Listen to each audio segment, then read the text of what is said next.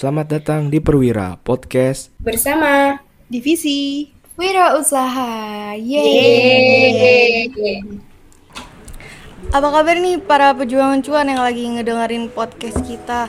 Eh, kalian lagi pada sibuk apa nih? Kita juga udah lama nih nggak nyapa-nyapa kalian ya, kayak udah mm, lewat dari satu bulan. Kalian kangen nggak sih sama kita? Kangen dong Kangen gak sih? Semoga kesibukan-kesibukan kalian eh, bisa jadi apa ya suatu ladang yang bermanfaat gitu buat diri kalian atau eh, buat orang lain di sekitar kalian maupun yang enggak gitu. Jadi tetap semangat buat menjalani kehidupan kita. Sebelumnya kita absen dulu nggak sih? Jadi eh, yang ada MC kali ini di sini tuh anak virusnya ada siapa aja sih?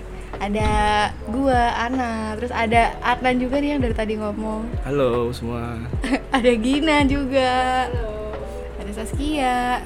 Hai semuanya. Oke pada episode kali ini Akhirnya kita mengundang seorang narasumber nih Yaitu Kak Fajri Kak Fajri adalah salah satu staff di organisasi kita yaitu Komandro Khususnya di divisi Humas Selain aktif di organisasi Kak Fajri juga seorang bisnismen muda Atau yang biasa kita sebut Young Entrepreneur Yang sudah memiliki dan menjalankan bisnisnya di usia muda Nah, makin penasaran kan gimana sih cara bangun bisnis saat masih kuliah? Yuk kita langsung kenalan sama narasumber kita nih. Halo Kak Fajri. Halo semuanya, para pejuang cuan. Alhamdulillah kabar gue baik banget. Gimana kabar kalian semua? Oke, kalau belakangan ini eh, Kak Fajri lagi sibuk ngapain aja sih? Atau mungkin lagi prepare bisnis atau lagi sibuk kuliah aja? Oke, bisnis yang akhir-akhir ini sebenarnya nih ya. Gue spill dikit kayaknya. Boleh, boleh. Gue tuh pengen buka lagi sekarang sih lagi pembahasan. Pengen buka kayak sekarang tuh lagi zamannya grill grill gitu deh kayaknya. Anak-anak grill itu kayak lagi ya kayak gitu. Anak muda banget gak sih? Hmm. Iya. Kayak dalam waktu dekat bahkan akan bikin kayak gitu. Opening soft opening. Gimana sih kak awalnya kepikiran mau buat bisnis? Oke, pertanyaan yang cukup bagus sebenarnya. Awalnya gue tuh nggak kepikiran mau mau jadi seorang pengusaha. Cita-cita gue tuh dari dulu pengen banget jadi pilot. Waduh. Dari awal sekolah dulu pengen jadi pilot. Cuman mau jadi pilot tuh gue gagal karena gue buta warna ternyata. Oh. Akhirnya gue mencoba untuk bisnis. Dan bisnis sama sekali gue mulai itu pertama kalinya adalah dari zaman gue SMP mau ke SMA. Itu gue pertama kali itu lagi zaman COD dulu kayaknya. Oh iya. Ya lagi zaman zaman COD terus saya lagi buka brand-brand distro dulu awalnya gue. Kenapa gue coba bisnis? Karena gue anak pertama di keluarga, jadi gue anak laki tuh harus tanggung jawab gitu kan sih. Terus gue masih muda, ambisi banget. Gue pokoknya harus punya bisnis, punya bisnis, punya bisnis gitu. Karena ya kekurangan gue itu kan buta warna ya. Cita-cita gue jadi pilot, jadi gue kayaknya harapan gue pupus banget terus ya gue coba usaha bisnis lah kayak gitu latar belakang awalnya itu kayak gitu Nah kenapa tuh kan tadinya kan milih pilot terus gagal nih. Tapi kan masih ada peluang-peluang lain nih buat jadi apa ke depannya. Kenapa milih bisnis gitu? Oke, bagus banget nih pertanyaannya. Sebenarnya kalau kita bicara bisnis, bisnis itu adalah mental yang bicara. Karakter seorang pembisnis itu pertama kali dilihat itu adalah mentalnya. Jadi pertama kali gua mau coba bisnis, gua ketemu beberapa orang waktu di SMA itu yang secara tidak langsung memotivasi diri gua. Gue dari SMA selalu ikut kepala sekolah gua, jadi kayak memperhatikan apa yang kepala sekolah gua lakuin terusnya ada alumni alumni yang datang. Waktu pas awal-awal SMA gue baru masuk SMA itu. Jadi di situ gue pelajarin bahwa oh dulu di SMA ini tuh nggak pinter. Tapi ketika dia mulai bisnis dia jadi iya jadi yang mereka, mereka inginkan. Terusnya ya secara tidak langsung itu membuka diri gue wih kayak gue coba bisnis deh. Berarti lu pas awal mulai bisnis tuh nggak cuma asal coba gitu ya. Jadi kayak bener-bener lu mempelajari bisnis itu dulu kayak gimana cara mulainya dengan ikut-ikut kepala sekolah lu tadi gitu ya. Iya bener banget, setuju banget gue Jadi emang gue dari dulu pas SMA itu Ya udah ngeliat apa nih kira-kira bisa jadi potensi bisnis gitu. Pengalaman-pengalaman dari kepala sekolah gue dulu suka cerita cerita kayak sharing. Oh dia tuh dulu kayak gini kayak gini kayak gitu. Itu yang buat gue kayak ayo deh kita coba bisnis apa nih lihat-lihat dulu nggak yang langsung terjun bebas langsung bisnis nggak kayak gitu Iya kesel kan ada tuh kayak anak yang kayak pengen wah pengen bisnis misalnya jualan baju ah pengen, pengen jualan baju terus dia langsung Langsung, kayak ya, langsung, langsung, jualan langsung. gitu kan. Karena harus ada plannya dulu kan Iya. Yes. Tapi lu enggak gitu kayak lu berarti mempelajari itu dulu harus baru ada yang motivasi dulu kan dari karena dari pas sekolah Iya bener banget. Jadi emang kadang-kadang namanya masih muda ya, ambisinya masih kuat banget antara keinginan sama strategi yang diterapin tuh kadang-kadang nggak sejalan, ya. Mm, gitu. Karena bisnis itu kan nggak mudah. Oke lah kalau kita bicara bisnis, artinya kita mencari keuntungan. Kalau gimana cara kita bisa dapat keuntungan? Kalau kita nggak punya strategi yang tepat, kan kayak gitu. Tapi keren juga loh. Iya. Tapi keren juga loh, maksudnya masih SMP terus mainnya sama kepala sekolah gitu gak sih? Iya. lu jadi anak yang beda gitu gak sih? Temen-temen lu pada jajan cilung. Tapi kalau main sama kiosek langsung ya Iya, Ya gue, tapi gue dari dulu tuh gue selalu cabut gue. Jelek gue di sekolah ya. Gue tuh nggak terlalu matepin materi akademik, ya, gitu. akademik. Jadi gue kalau waktu luang mainnya tuh ke kepala sekolah, mainnya ke guru-guru. Lebih banyak ngobrolnya sama kepala sekolah sama guru-guru. Jadi kalau akademik ya kalau di sekolah gue tuh selalu telat sebenarnya. Bolos banget teman-teman gue tuh selalu eh, lu mau jadi apa? Lu mau jadi apa? Kayak gitu gitu terus ya kalau kalau apa namanya di sekolah tuh gue nggak pernah tahu materi kan. Tiba-tiba gue yaudahlah gue nggak tahu mau ngapain kata gue gitu kalau di sekolah tuh gue cuman ketika di luar dari kelas ya gue bicaranya langsung buat plan beberapa waktu ke depan beberapa tahun ke depan. Berarti yang membangun mentalnya itu dari ngobrol sama para guru sama kepala dari sekolah. pengalaman dulu lah ya. Yes. Karena kalau kita bicara bisnis kita harus punya mentor. Pertama kali kita mau bisnis tuh harus punya mentor. Harus ada patokan mentornya siapa mentornya kayak gimana harus ada yang ngarahin lah ya harus ada yang ngarahin karena kalau enggak nanti Ya. bisa gila sendiri kalau bisnis Iya. Mulai sendiri, gila sendiri, hancur sendiri. Tapi enggak dong. Kak Fadri kan enggak gitu ya. agak gila dikit kayaknya karena dulu dari pengalaman dari SMA nih terus kira-kira yang bisnisnya udah sustain atau yang lagi dijalanin sekarang tuh apa aja? oke jadi dari SMA itu gua lulus dari SMA lah. belum lulus malah di kelas 3 SMA itu gua buka usaha. Usaha gua jadi ya sekarang itu berbentuk CV sebenarnya. CV namanya CV AP kita sebutannya. Iya jadi gue tuh pertama kali tuh usaha lang, eh, apa namanya di SMA kelas 3 udah mau lulus gue buka usaha. Pas pandemi malah awal-awal pandemi. Sebelum pandemi terusnya pas buka pandemi. Nama usahanya itu CV CV AP sebutan kita. Bertempat di Jakarta di Menara 165 alamat kita. Selama ber ta- hampir tiga tahun sekarang tuh dua tahun jalan tiga tahun alhamdulillah masih berjalan terus sampai sekarang. Gitu. kalau di bidangnya itu ada jasa industri pariwisata terusnya sama satu lagi adalah konstruksi Kalau boleh tahu kan itu ba- macam-macam ya ada jasa, industri, konstruksi segala macam. Yang pertama banget tuh eh, tadi sub bisnisnya ya. Iya. Sub bisnisnya tuh apa sih kak? Di bidang apa gitu? Sebelum ke menye- menjalar ke banyak bidang lainnya. Yang pertama kali banget. produk yang pertama kali gue luncurin karena memang lagi pandemi ya gue tuh namanya bik- bikin produk namanya living wash. Living wash. Mungkin ada beberapa sekolah-sekolah kalian yang hand soapnya sabun cuci tangan itu pakai living wash. Living wash itu adalah produk salah satu produk kita. Jadi pertama kali gue bikin itu adalah sabun cuci tangan. Sabun cuci tangan yang diperuntukkan untuk anak-anak sekolah terusnya juga. Karena dulu kan diwajibin kita harus cuci tangan ya. Jadi gue tuh bikin sabun cuci tangan. Yang bikin tuh waktu itu lulusan Surabaya gue lupa. Gue panggil ahli dari sana habis itu kita bikin. Itu pertama kali tuh gue usaha. Gue keliling dulu. Karena memang di usaha itu belum ada banyak orang habis itu gue keliling lah. Dia yang bikin gue yang ngejualin. Gitu. Sekolah-sekolah jadi gue pertama kali itu ke banyaknya ke daerah Bogor Itu lagi masa pandemi ya. Terus Itu lagi pandemi. bikin sabun cuci sabun tangan. cuci tangan itu pertama kali gue solusi banget gak sih kalau kayak gitu emang kalau bikin bisnis tuh kayak harus solusi dari permasalahan Permasalahan di masyarakat ini. Benar, benar, yang benar. harus kita solve. bener banget jadi kalau bisnis itu adalah bisnis apa yang dibutuhkan sama masyarakat kayak apa sih yang menjadi permasalahan masyarakat terusnya kita tuh muncul sebagai inovasi oh ternyata permasalahan tuh ini selesainya dengan cara ini loh. Itu suatu bisnis namanya inovasi dalam bisnis gitu. Jadinya itu juga gak sih? Kita sebagai anak bangsa sih? Yes anak bangsa harus peduli negara ya.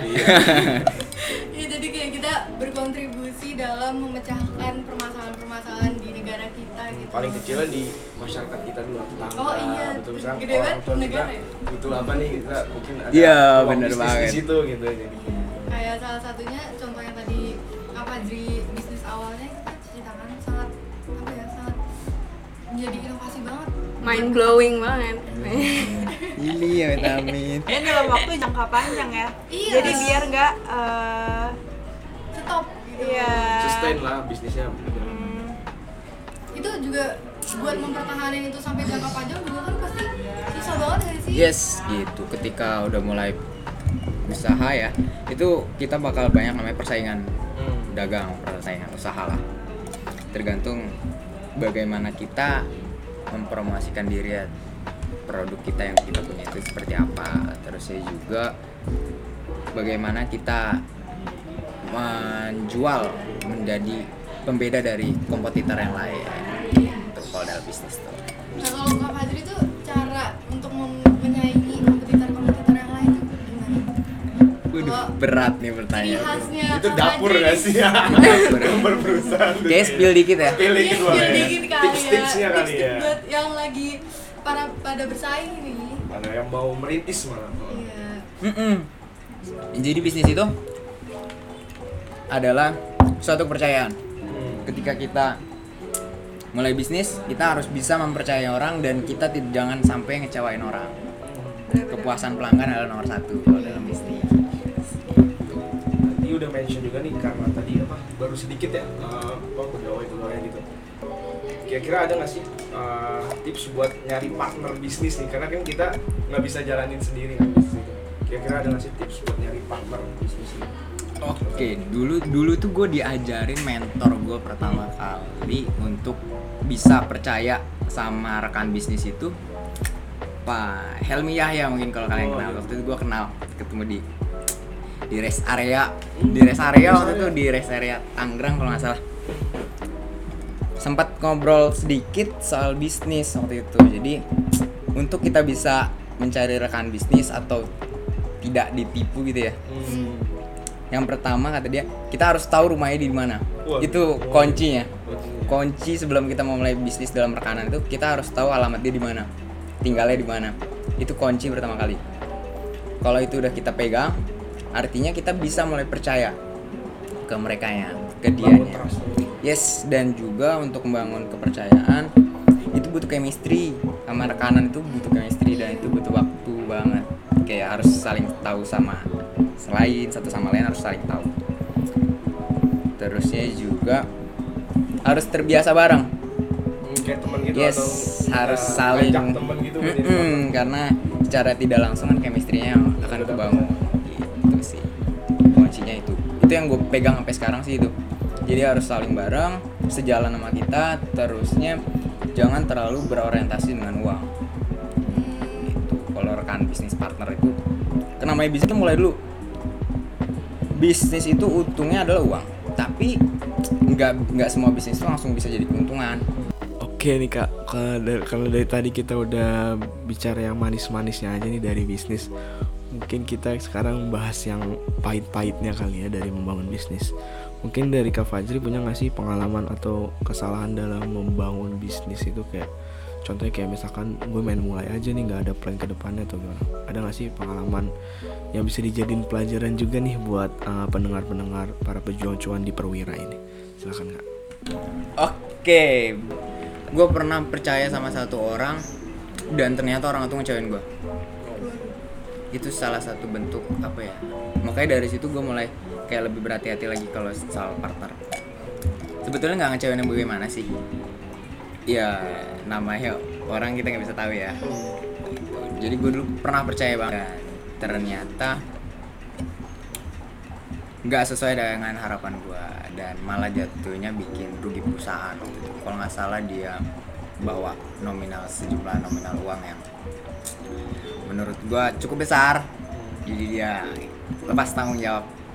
Kesalahan. Berarti masalah milih orang juga gitu? Yes, itu awal-awal dulu tuh. Awal-awal dulu sampai sekarang akhirnya mulai belajar. Mulai oh gimana sih caranya ketemu mentor-mentor yang lain. Ih gimana sih caranya buat mengurangi kesalahan-kesalahan kayak mempercayai orang lain tuh gimana. nih kan lu bisnisnya banyak banget ya. Kamu Iya, jadi sebenarnya bisnis gue tuh ada 45 bidang usaha dalam CV di badan usaha kita tuh. Sekarang lagi in, in- inventasi ke atas kita mau harus perputarannya di atas 5 miliar karena mungkin ada suatu kebijakan baru ya.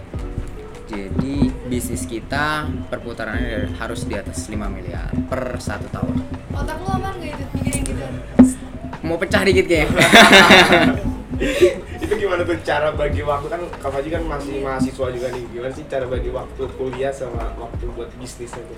Bisnisnya banyak banget lagi ya. Yes. atau kita kasih tanggung jawab ke beliau atau rekan bisnisnya? Kayak gitu Yes, bagi waktu ya. Jadi gue sebenarnya gue akuin mulai bisnis terusnya juga terlalu banyak bidang usaha adalah sesuatu yang berat menurut gue di usia gue yang masih muda terusnya juga kadang-kadang gue juga masih ingat main Hmm. ingat keluarga terusnya juga kerjaan. Itu butuh waktu pemikiran yang dalam banget. Sebenarnya gue dari dulu tuh hampir 12 jam hampir selalu 12 jam tuh kerja banget workaholic banget lah kalau anak-anak muda sekarang workaholic kak. Kayak gitu. Jadi gua selalu ketika pagi itu gue udah mulai usaha usaha yang mana nih? Bidang gue yang mana nih yang harus difokusin nih? Yang ini setelah itu udah selesai siang dikit gue berubah lagi. Plannya yang mana lagi nih? Usaha yang mana lagi nih? Sore dikit berubah lagi yang mana lagi nih? Dan malam baru waktu gue untuk kuliah. Udah skala prioritas lah ya kayak gitu. Yes. Selalu kalau malam tuh gue prioritasnya untuk kuliah. Hmm. Karena kan dari pagi sampai sore itu gue selalu kerja tadi tadi gue mau lanjutin yang tadi dulu sih terus lu ini udah segila apa nih otak lu mikirin itu semua Yes, kalau lu bisa nanya ke orang-orang terdekat gue tuh kayak lu tuh kerjanya pusing mulu. Kalau di foto malah ya, malah dulu ada yang komplain ya, teman-teman gue sendiri malah. Kok lu di foto kayaknya tegang banget. Kalau kayak foto serius banget, kayak lu pusing banget sih kalau foto kayak gitu. Ya karena memang banyak yang dipikirin Wah, ya? ini pikirin. yes kayak gitu, tapi happy sih sebenarnya ngejalaninnya, cuman memang kadang-kadang pikirannya kebagi jadinya gitu. karena lu seneng dengan bidang ini juga gitu kali ya Yes, karena tanggung jawab tanggung jawab yang harus dipegang. Jadi mau nggak mau gue harus berusaha untuk selalu konsisten. Karena bidang usahanya banyak nih tadi itu kenapa sih Kak Fajri milih bisnis yang terlalu banyak itu atau apa emang passion di bidang bisnis itu atau gimana? atau emang mau mencakup semua market di CV ya? Yes, jadi gue dulu tuh sebelum mulai bikin usaha kenapa bisa banyak. Pertama kali gue itu belajar dari mungkin teman-teman kenal salah satu minimarket, minimarket yang familiar warnanya biru deh. biru oke familiar banget Mm, jadi gue tuh waktu itu main lah ke sana ketemu pas salah satu bagian direksinya mereka. Diri dia cerita sedikit lah sama mereka bahwa bisnis itu nggak bisa hanya satu bidang. Jadi dari kalau bahasanya itu dari hulu ke hilir itu harus kita cakup semua Yes, makanya gue bikin anak usaha itu agak sedikit banyak, sekitar 45 usaha bidang. Oh di kantor itu fokus di 0165 itu ya Yes, alamat kita di 105. 165 gitu. Jadi setiap bidang usaha itu memang ada tim-timnya sendiri. Jadi ada penanggung jawab masing-masing kayak si A misalnya. Itu dipegang di bidang yang ini nih, si B di bidang yang ini. Nanti ketika laporan baru progresnya langsung ke gua sendiri. Nah, dari 45 bisnis itu kira-kira mau nambah lagi nggak nih kak? Yes, sebenarnya ada satu lagi dikembangin usaha, usaha namanya di PT sih sebenarnya. Gue tuh lagi pengembangan untuk PT. Sudah ada, cuman butuh persiapan yang lebih matang untuk bisnis di bidang teknologi. Oke. Oke, nama PT-nya itu Sejahtera Milenial Strategi. Jatuhnya kayak startup gitu. berarti. Yes, startup. Tapi kalau kemarin tuh teman-teman pengusaha itu bilang startup itu jaya masa jayanya Udah agak turun, mulai udah turun. Yes, ada beberapa memang startup itu yang mulai mengurangi karyawan mereka dan lain-lain. Yes. gitu. Karena memang namanya usaha itu ada ada masanya. Kayak ya roda lah berputar, ada yang di atas, ada yang di bawah. Makanya satu bidang usaha itu nggak bisa cuma satu. Ada kalanya lagi naik, ada kalanya lagi turun. Oh itu juga yang bikin kakak Zrini jadi banyak bisnisnya gitu ya? Yes, kurang lebih kayak gitu deh. Kelihatannya kayak pusing banget gitu ya kak apa aja sih keluh kesah yang dirasain seorang bisnismen ya harusnya kalau bisa ya karena lumayan nih buat instak yang mau mau merintis bisnisnya nih kira-kira apa sih kak ada keluh kesah Jadi keluh kesah gue ya. Keluh kesah gue tuh pertama banget itu sedih sih sebenarnya kalau di bisnis sih. Jadi sedih banget sebenarnya. Sedihnya kenapa? Karena hal yang berharga menurut gue sampai saat ini adalah waktu. yes Gue terkadang nggak punya waktu untuk keluarga. Terkadang gue nggak punya waktu untuk pasangan gue sendiri. Ataupun juga ke hal-hal yang kalau anak muda sekarang tuh bilangnya me time kayak gitu jadi gua kalau kesah gue terberat itu di masalah waktu kayak gua selalu bekerja bekerja bekerja ataupun pas lagi liburan kayak masih aja kadang-kadang kepikiran kerjaan kayak gitu gitu sih jadi ya kalau kesahnya itu cuman enaknya itu menurut gue ya ketika kita udah ada bisnis jadi ada pemasukan sendiri untuk anak usia muda betul betul karena udah ngerintis dari awal berarti kalau Yes. udah di akhir baik tinggal nikmatin aja Iya berarti gitu. berarti Jadi ya. ketika teman-teman yang lain ngerintis dari awal betul Mm-mm, teman-teman yang lain kadang-kadang pusing eh gue nggak ada ini nih gue nggak ada ini jadi setidaknya kayak nggak terlalu ngebebanin Yes. orang tua ngebantu sedikit walaupun ya masih dibantu orang tua terkadang Buat persiapan di masa tua juga gak sih? Kayak Yes. Kita, kita lagi zaman zamannya usia kita nih harus bener-bener apa sih bahasanya? mandiri lah mandiri mandi sendiri Maksud gue tuh di usia kita sekarang tuh emang lagi waktunya gitu. betul betul, betul. tuh gak susah gitu kan betul financial freedom nah yes bahasa sekarang gitu ya Tuh, guys jadi sebagai anak muda tuh harus punya pikiran buat ke depannya lima tahun sampai 10 tahun. Gue ya. tuh iya selalu tuh kayak naruh otak gue tuh kayak lima tahun ke depan tuh gue harus gimana gitu. Kayak malas buat bulan depannya itu kayak gue pusing kalau misalnya bulan depan tuh kayak gue gue harus ngelakuin apa nih bulan depan. Padahal masih bulan depan gitu. Kayak artinya harus terorganisir gitu lah kayak hidup tuh harus punya suatu tujuan yang kalian capai gitu. Jangan pas masih muda enak-enaknya aja santai-santai. Boleh santai-santai cuman jangan lupa memikirkan untuk ke depannya lagi. Berarti lu kayak itu gak sih nulis-nulis impian gitu apa di notepad atau notepadnya di kepala lu? gue gue gue tuh punya ini apa namanya buku kerja kalau gue bilang. Cuman isinya itu adalah diary ketika gue pas sudah mau tidur. Kalau mau tidur tuh gue selalu review hari ini gue tuh ngapain terusnya gue juga hari ini gue ngelakuin apa ya terusnya buat besok gimana nih ya tujuan gue gimana nih ya kayak gitu gitu sih gue selalu namanya buku buku kerja sebenarnya cuman kayak isinya itu kayak diary gitu Berarti goals lu tuh di situ. Yes, semua di situ. Itu boleh dibukanya nan- nanti kayaknya. Itu gua doang sendiri yang nulis, jadi orang-orang tuh gak ada yang tahu. Tapi buat dibukanya tuh nanti ketika gua udah gede nanti gitu. Oh ternyata gua tuh kayak gitu. Udah mapan lah. Guys. wishlist yang udah tercapai itu apa aja sih boleh disebutin nggak kira-kira Waduh, wishlist ya. boleh nggak sih Jadi pertama kali gue bisnis itu adalah gue dulu naik motor. Pertama kali gue mulai bisnis, panas-panas lah ibarat kata, hujan kehujanan, panas kepanasan, sampai akhirnya gue tuh beli mobil tanpa ketahuan orang tua sebenarnya, tanpa bapak gue tuh tahu. Jadi mobil atas, atas nama gue gitu kayak lagi pada di luar kota kalau nggak waktu itu. Gue iseng ke dealer. Jadi setiap setiap pulang kegiatan tuh gue ke dealer masing-masing dulu. Kayak beberapa dealer mobil lah gue samperin gue ambil brosur brosurnya gue tempel waktu di tembok inget banget gue terus gue tempel di tembok.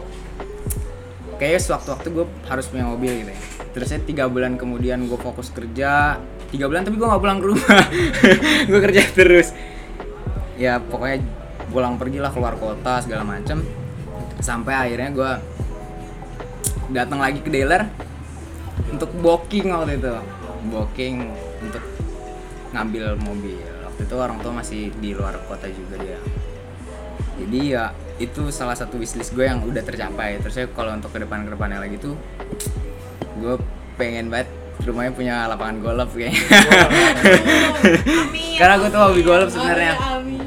Jadi gue tuh hobi banget golf jadi gue pengen banget wishlistnya ke depannya itu rumahnya punya lapangan golf terusnya gue bisa berbagi ke orang-orang. Jadi sebenarnya gue diajarin sama bapak gue tuh hidup itu harus bermanfaat untuk semua kalangan gitu. Jadi gue harus apa ya harus ciptain itulah keinginan bapak gue jadi kayak apa pun orang yang butuhkan setidaknya gue hadir harus bisa buat baik ke orang-orang gitu. walaupun kita kerja harus berguna bagi yes orang lain Mm, mm. tadi juga kayak self reward lah ya beli self reward gitu. kerja bener banget Tadi tuh yang ngomongin mobil itu nggak sih kan tadi kan keluarga lagi keluar kota tuh pas lu beli mobil. Tuh pas keluarga datang terus ada mobil pada kaget ya sih? Iya, mal- malah yang nerima mobil itu bukan gua, karena gua masih kerja waktu itu. Jadi mobil itu udah dikirim ke rumah, cuma by phone. Kebetulan yang di rumah itu cuma ada B, biasanya di rumah tuh ada bude, terus ya ya udah diterima aja kat gue, ya udah lagi lagi di luar, ya udah deh. Ada mobil datang. Yes. Waktu itu inget banget gue kayak gitu terus ya udahlah akhirnya sekarang daily ke mana-mana ya setidaknya ada kendaraan kayak gitu sih. dari ceritanya Kak Fajri nih kayak udah dapet hasilnya dapet rewardnya nih mungkin ini bisa jadi motivasi juga buat uh, mahasiswa-mahasiswa sekarang pendengar uh, perwira nih. Jadi mungkin ini sebagai motivasi terus kayak buat ngerintis bisnisnya nih. Terus mungkin dari Kak Fajri ada nggak sih tips uh, mulai bisnis ngerintis bisnis dari awal nih buat para pendengar perwira nih yang mungkin masih mahasiswa kan mayoritasnya? Kayak gitu Yes, buat mahasiswa umur kalian masih muda banget, termasuk gue juga masih muda sih. Masih muda ya kalian ya. Ini pesan buat kita juga kan. Pesan kita buat kita. Jadi mumpung masih muda, kalau kalian gagal, masih ada kesempatan untuk selalu mencoba lagi sampai ke depannya. Terusnya untuk tip and tricks ya. Sebetulnya itu bisnis itu yang pertama itu harus konsisten. hmm. Kenalin diri kalian, konsisten, terusnya juga harus yakin sama apa yang kalian miliki. Itu harus yakin, harus punya tujuan bahwa menjalankan bisnis itu bukan suatu keterpaksaan. Jadi adalah suatu Passion. passion. gitu. Harus punya mentor juga karena kita harus ada yang pengarahnya. Secara tidak langsung kalian harus ada patokan ataupun kalau anak muda sekarang tuh bilang kayak apa ya aduh gue lupa lagi bilang apa nih gue lupa namanya apaan tuh pokoknya harus punya Yang harus punya ya. mentor. Yes harus punya mentor terus ya harus berani mencoba. Sama satu lagi jangan takut gagal. Jangan pernah ngeluh gagal. Ketika kita diomelin orang kita dicaci maki orang jangan suatu itu menjadi suatu kayak ah besok lagi nggak mau nyoba lagi ya nggak mau nyoba lagi ah. Tapi itu adalah suatu motivasi untuk kita. Harus terus berinovasi nyoba ke depannya harus punya tujuan Jalan Harus buat yakin. sukses kan nggak mungkin mulus-mulus. yes doang jatuh bangunnya susah banget ya. Nah, biar jadi kita benar-benar bisa sukses, jadinya harus bisa survive dari Survive. jatuh bangun itu. kalau Nah.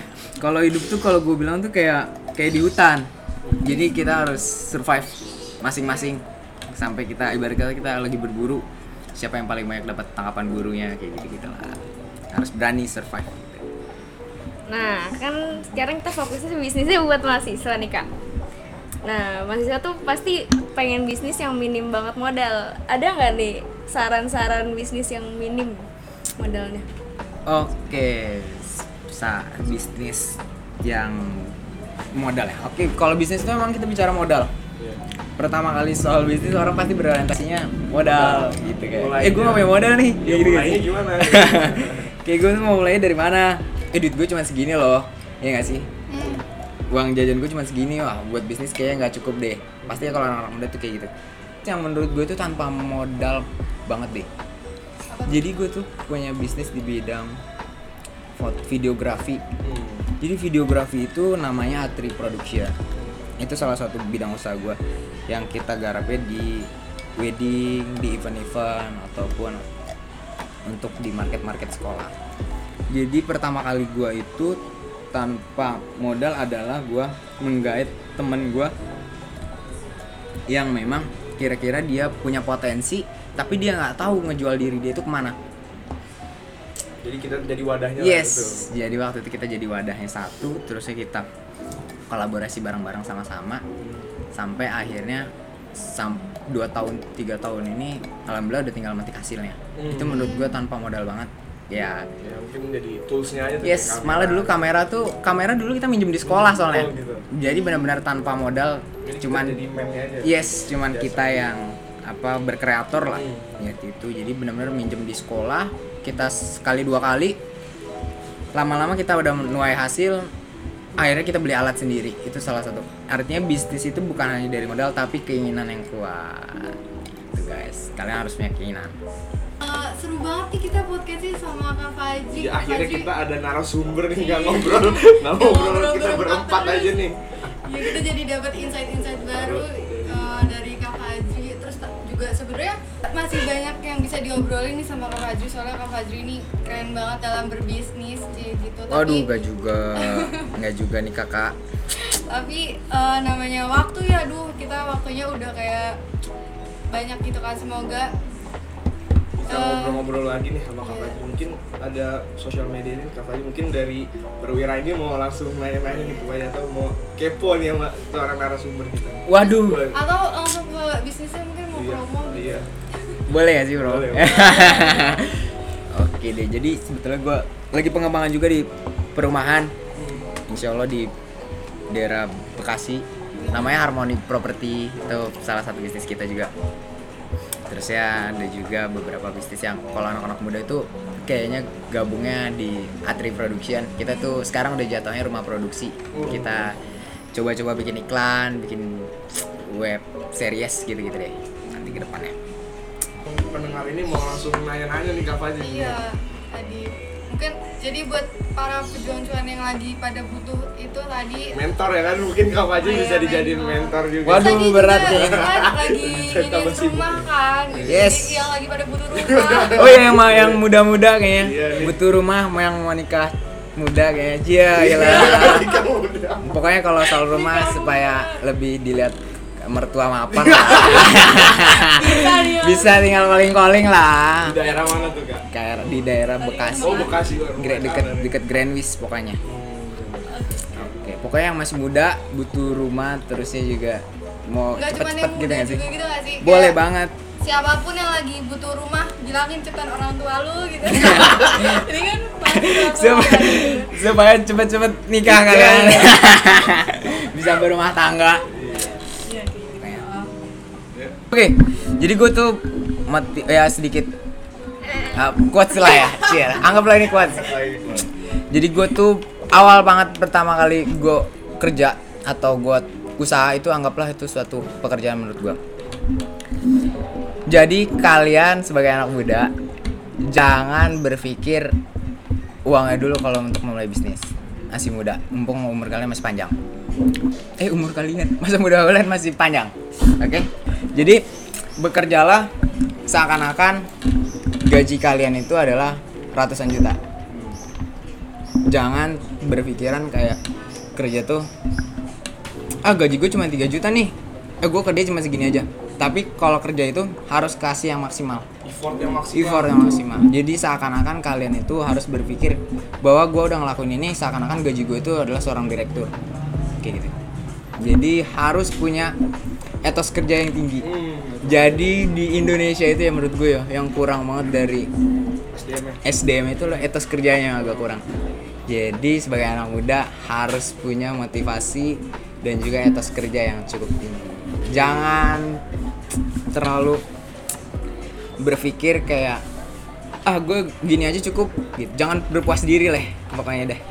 Buat ke depan pokoknya harus kejar fokus tuh ke depannya. Oke semangat semua pejuang cuan. Semoga kalian mendapatkan cuan yang banyak. Oke, Oke. Oke, nggak terasa udah di penghujung acara di episode kali ini. Thank you banget buat narasumber kita Kak Fajri dari cerita, pengalaman dan tips-tipsnya untuk para pejuang semua dalam memulai bisnis, merintis bisnis dan menjalankan bisnisnya kayak gitu. Thank you banget udah dengerin sampai akhir. Semoga di episode kali ini dari cerita-cerita dan pengalamannya Kak Fajri dapat memotivasi kita bahwa uh, mahasiswa bisa kok memulai bisnis dari saat masih kuliah kayak gitu. Thank you banget udah dengerin sampai akhir. Semoga dapat insight dan pengalaman-pengalaman baru dari Kak Fajri. Semoga dapat memotivasi kita semua dalam memulai bisnis. See you in the next season of Perwira. Bye.